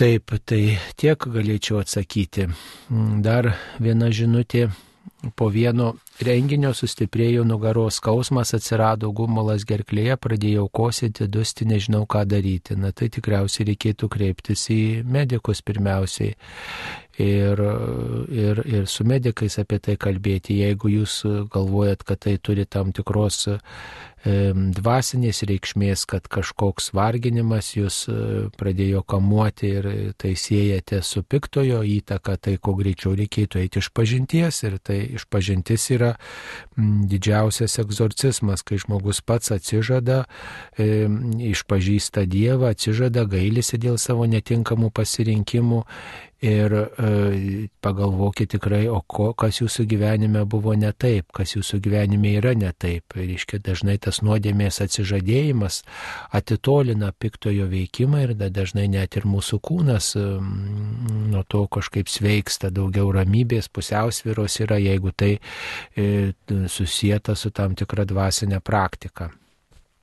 Bet e, tikrai nereikėtų visko suvesti vien tik tai vien tik tai dvasinius dalykus, bet ir pagalvoti apie tai, kad galbūt jūs, jūs na, patyrėt kažkokią ir, ir kūno traumą ar, ar kaž, kaž, kažkas, nu, ir mūsų kūnas serga kartais dėl tokių labai suprantamų somatinių, kaip sakoma, priežasčių. Mums paskambino. Ana iš Šiaulių. Taip, klauskite. Gerbėjus Kristui. Čia labai, amžius. liū, čia labai liūdna tokia kalba, aš tokį linksmesnį klausimą sugalvojau paklausti, nežinau kaip. Aš man kartais, kaip ir visiems žmonėms, išeina pameluoti. Nenoriu aš, aišku, bet va, taip gaunasi ir viskas, aišku, per išpažinti pasakau. Bet, žinot, skaitau Jono Evangeliją ir, ir skaitau, kad Jėzus vieną kartą pamelavo. Broliai įkvietė eiti į palapinių šventę, o jis pasakė, aš dabar neįsiu. O paskui paslapčiai iškeliavo. Jau įsivaizduoju, kaip broliai nustebo išgirdę Jėzų šaukiant šventykloje. Tai pagalvojau, gal jeigu koks rimtas reikalas prispaudžia, tai netokia jau ir didelė nuodėmė, nu taip truputį pameluoti. Ačiū. A, taip, labai jau jūs e, šitą čia gražiai svarstote. Deja, ne, mėloji, deja, ne.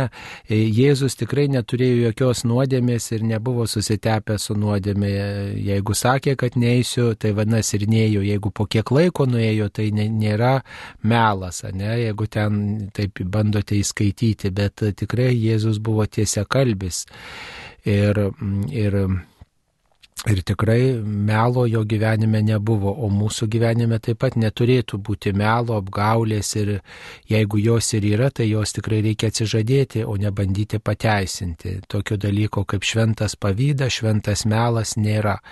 E, na, mes galbūt turim tokių aplinkybių, kur norim gerą ir, ir, ir žinot, ir nutylim kažką, arba pasakom gražius žodžius, kai, kai galbūt reikėtų galbūt kažkaip patylėti, ne, tai tokia yra veidmainystė, apgaulė, bet tai yra melas.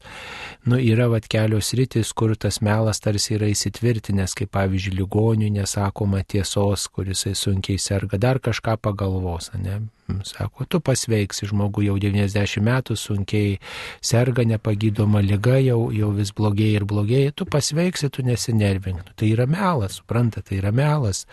Ir jis tikrai netinkamu būdu ginamas tas žmogus reikėtų reikėtų žmogui kažkaip pamažu įruošti, nesakyti, nu va, dabar jau čia garbingas amžius, visai gali būti, galbūt, va, reiškia, kaip čia galėtume pasiruošti, mm, vis tiek, gal vis tiek, va, čia namus palaimins kunigas, čia mus aplankys, išgersim arbatos, gal priims ligonių sakramentą, nes įvairių žmonės įvairių laikų priima ir, ir kiekvienais metais mes tą galime daryti, va, tai tokiu būdu pamažu žmogų ruošiam labai iš toli, va, tai pamažu, ne, ir patys ruošiamės tam įvykiui ir, ir tą žmogų ruošiam. Ir e, dar vienas rytis tai yra Kalėdų senelio istorija, ne, kur žmonės sako, čia gražus melas yra, kai dovanos paglute padedamos, o sako, Kalėdų senelis atnešė, bet čia už to yra, už to pasakojimo tokia graži mane istorija, kad šventasis Mikalojus lankydavo ir, ir tik, tikrai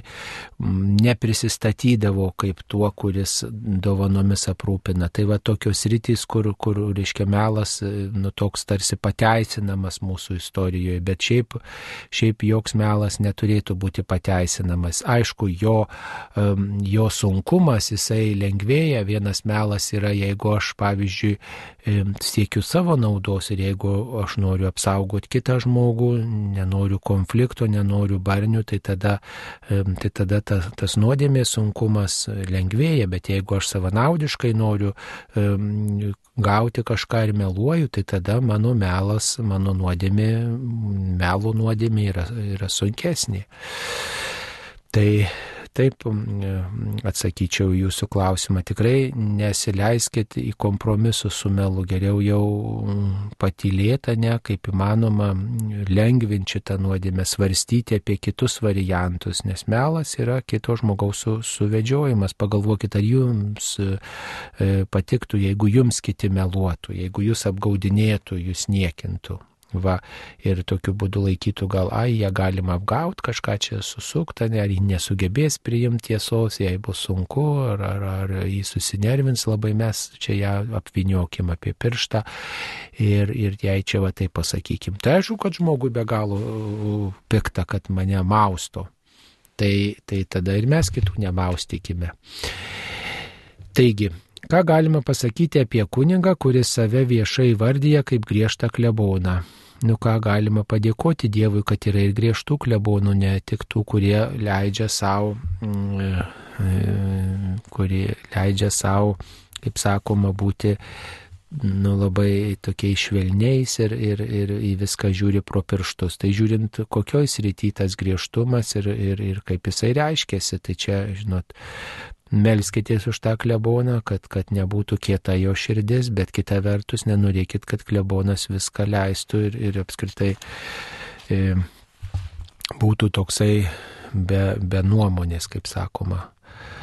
E, Kiekvieną dieną melžiamės už kunigų švenčiančius gimtadienį ir kunigystės metinės. Ar nebūtų galima paminėti ir tą dieną šventinamo kunigo, nes jam daugiausiai reikia mūsų maldos.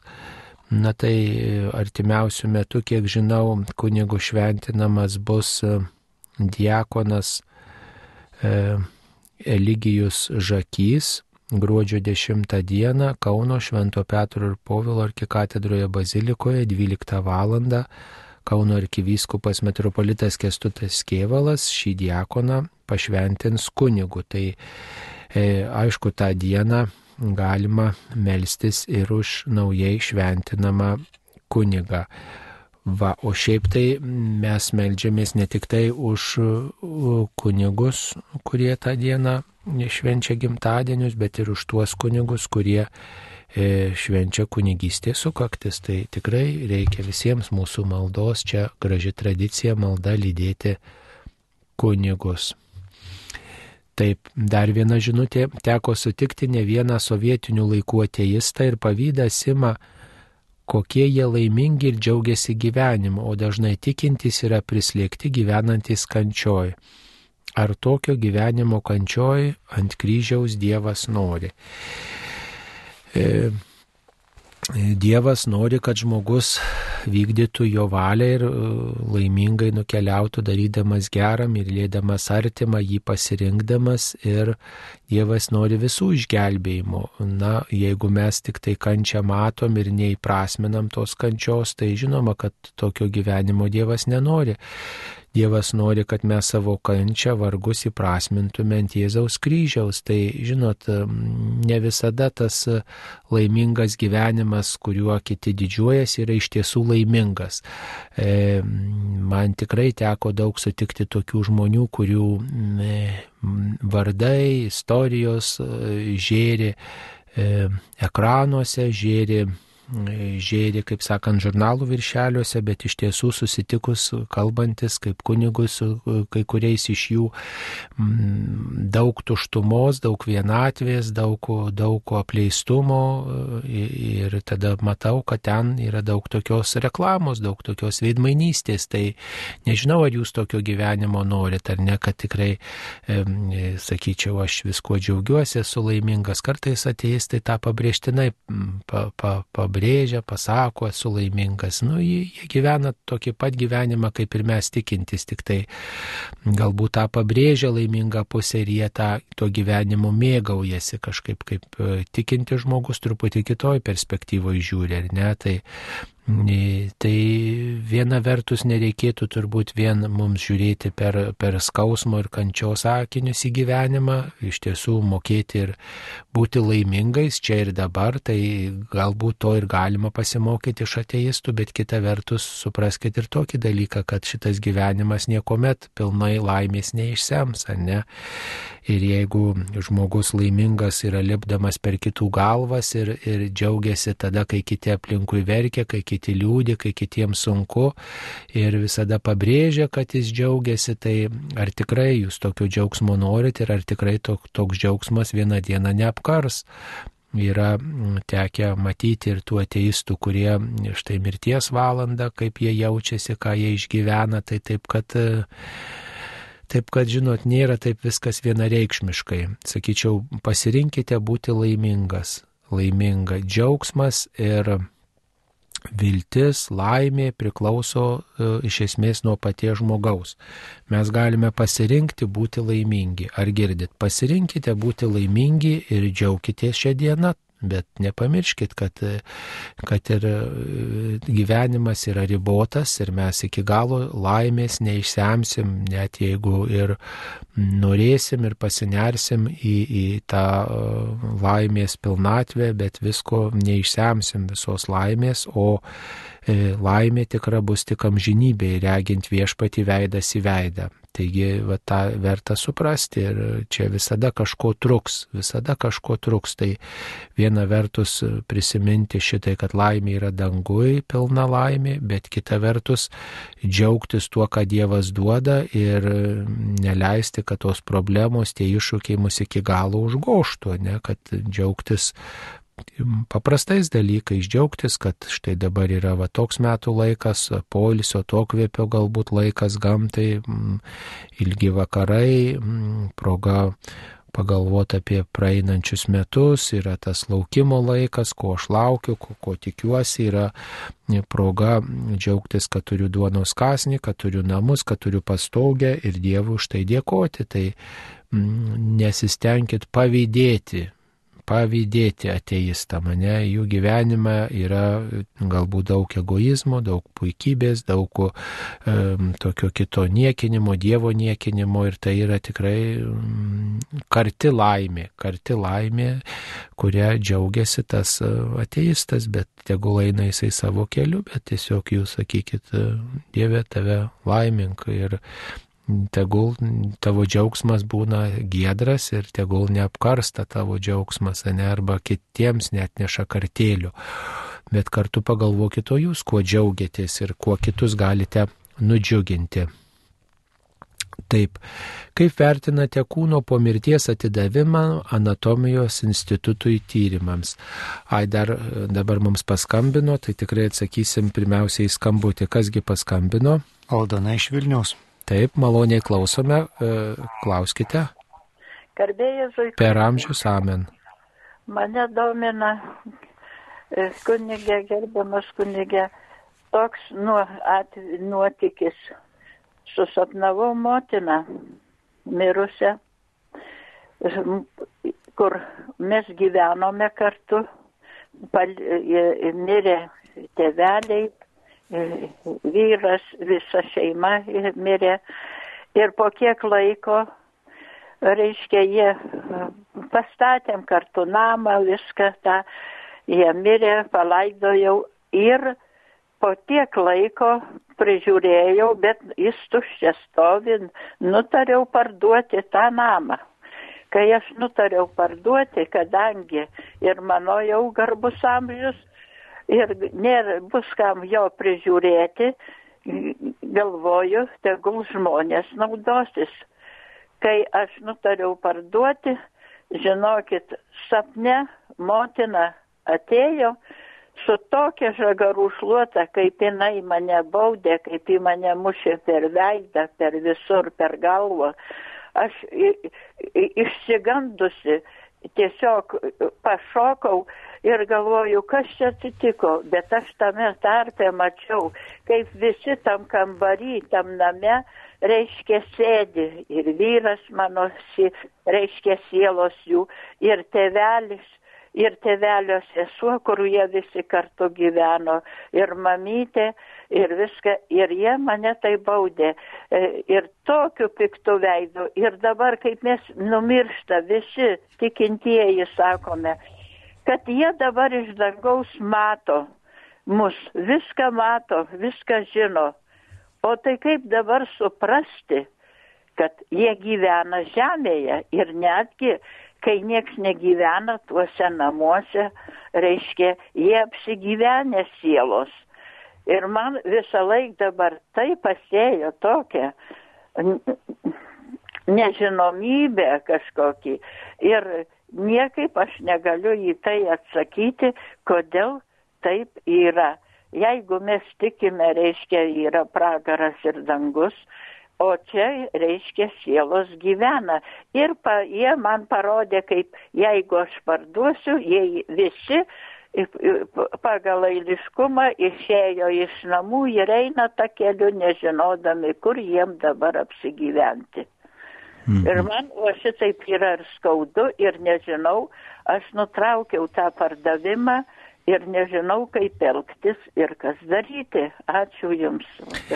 Taip, numatot, sapnai labai įdomus dalykas, mes sapnus negalime labai pažodžiui priimti, bet mes kaip tikinti žmonės, mes kviečiame į pagalbą Dievą, kaip patarėję šitoj situacijoje. Tikrai nepriimkite pažodžiui, kad nu va, tie mirusieji tuose namuose gyvena. Matot, po mirties jau į tą erdvė ir, ir, ir laikas visiškai kitaip viskas atrodo ir nėra jau tų pačių dėsnių, taip kaip yra mums čia žemė. Jeigu mes čia žemėje vaikščiojom šitais keliais, aha, tai ir numirę vaikščiosim. Nu, miręs žmogus jis priklauso Dievui. Tai jūs pirmiausia ir kreipkitės į viešpatį. Tikrai jums rekomenduoju užsakyti mišes už visą savo giminę ir už savo mamą.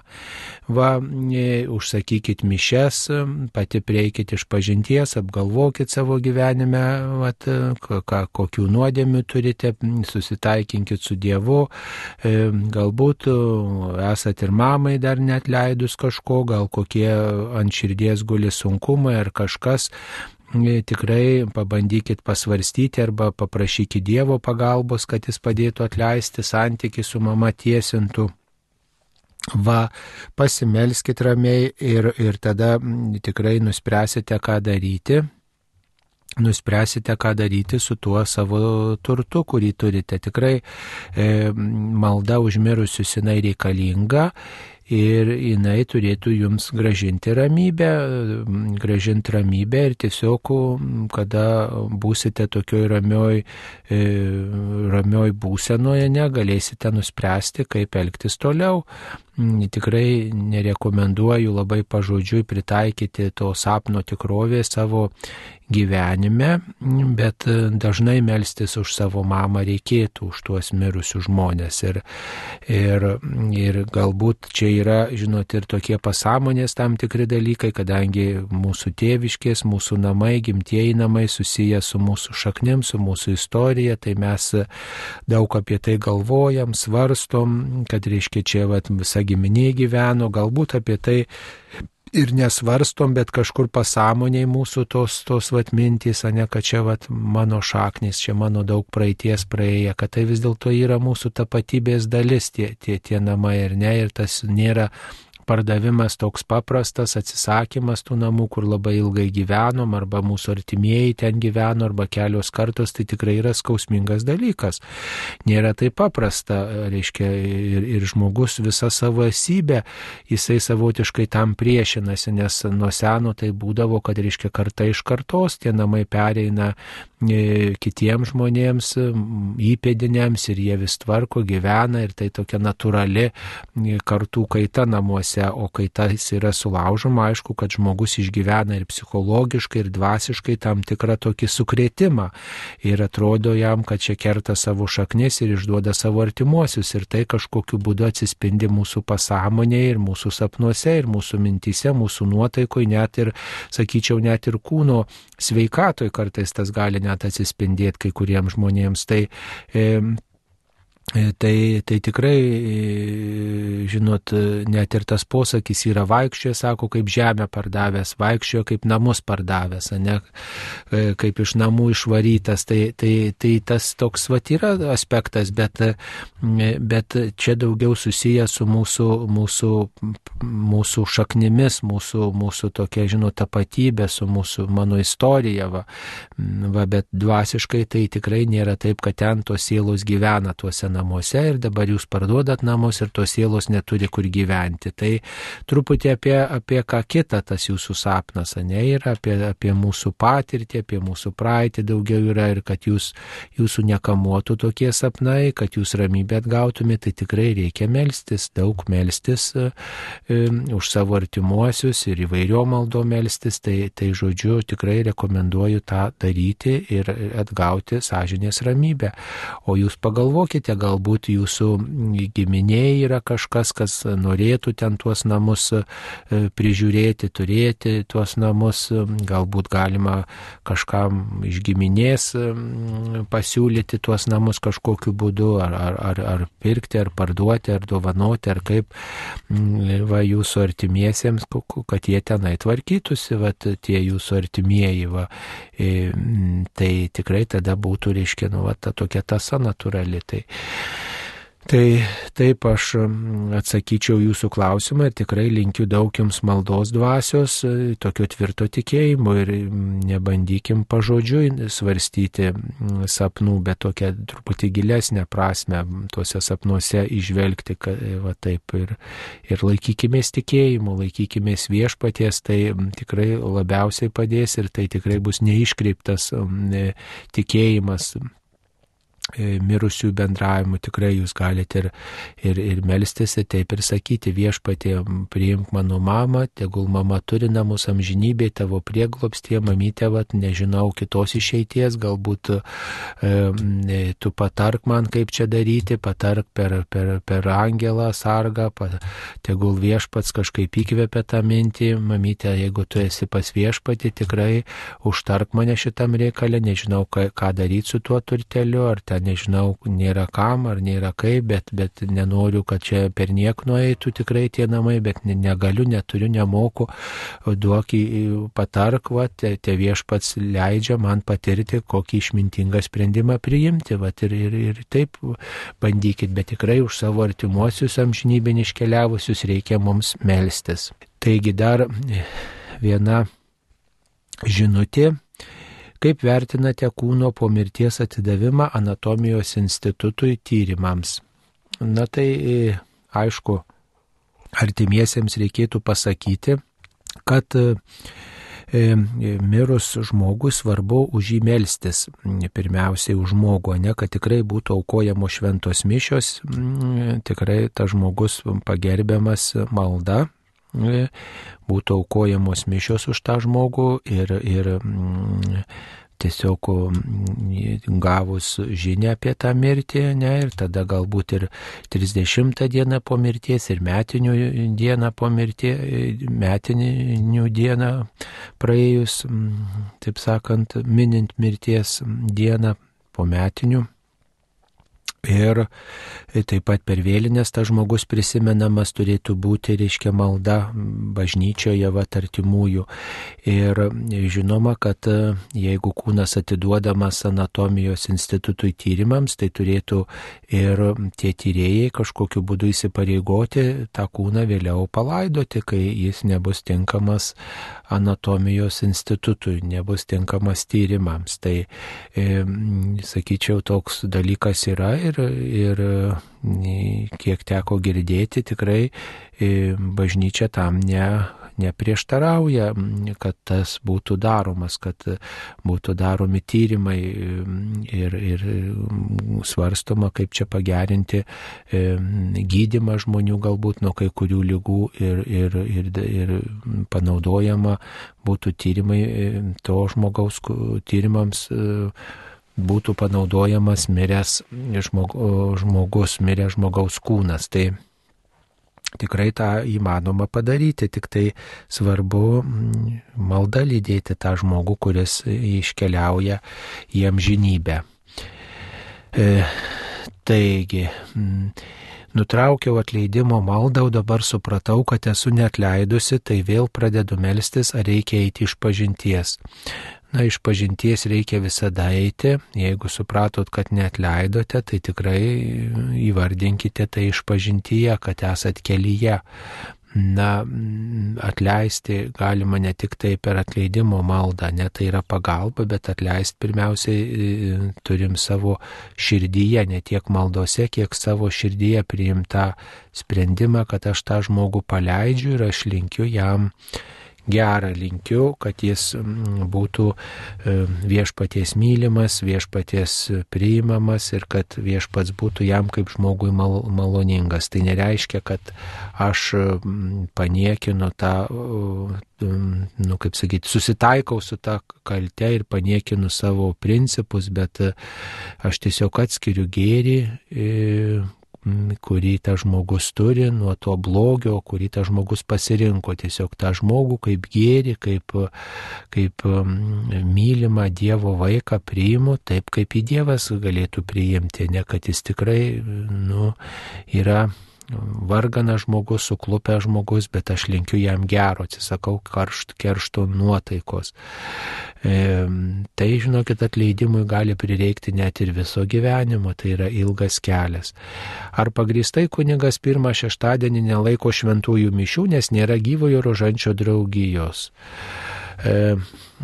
Nelaiko šventųjų mišių, na tai matot, reikėtų kalbėti su kunigu ir prašyti e, tiesiog tokios intencijos, ne kad prašau kunigę pasimelsti, va, va tokia intencija, tada kunigas tikrai negalės atsisakyti ir turės aukoti šventasias mišes, turėtų aukoti.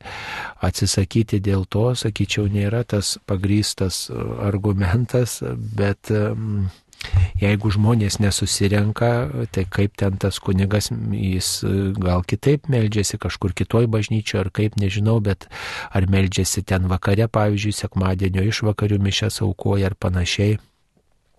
Bet e, nu, tai dažniausiai neteko girdėti, kad kunigas dėl to atsisakytų aukoti mišes, nes nėra rožinio draugijos. Paprastai kunigas aukoja mišes, e, kai yra kažkokia intencija užsakoma arba kai yra numatytas mišių laikas, tai tada kunigas ir aukoja mišes. Va. Taip. Mm. Dar žiūrime, kuo skiriasi adoracija nuo rekolekcijų. Adoracija yra uh, uh, švenčiausio sakramento garbinimas, o rekolekcijos yra laikas praleistas su, su Dievu, laikas praleistas svarstant, skaitant, klausant, melžiantis ir dalyvaujant adoracijoje. Sakyčiau, rekolekcijos yra platesnis toks apibrėžimas, nes rekolekcijų dalimi gali būti ir adoracija. Dažniausiai rekolekcijų metu ir vyksta adoracija. E, arba dalį rekolekcijų vyksta adoracija. Tai adoracija Dievo garbinimas, o rekolekcijos yra laikas, kurio metu įvairios pratybos vyksta. Galbūt bažnyčioje vyksta vat, švenčiausio kramento adoracija ir kunigas sako, dabar vyks rekolekcijos. Tai e, šalia adoracijos turėtų būti, pavyzdžiui, šventosios mišios, dažniausiai ilgesnis pamokslas ar dar koks kitas pamaldumas praktikuojamas e, bažnyčioje. E, pažodžių rekolekcijos yra e, surinkimas. Surinkimas e, tai, kas išbarstyta. Mes e, prieš šventės surenkam savo tikėjimą, surenkam e, tokį savo santyki su Dievu tarsi iš naujo, kaip kokį, kaip kokį e, lego, kurį išbarstėm per gyvenimą, per įvairius sunkumus.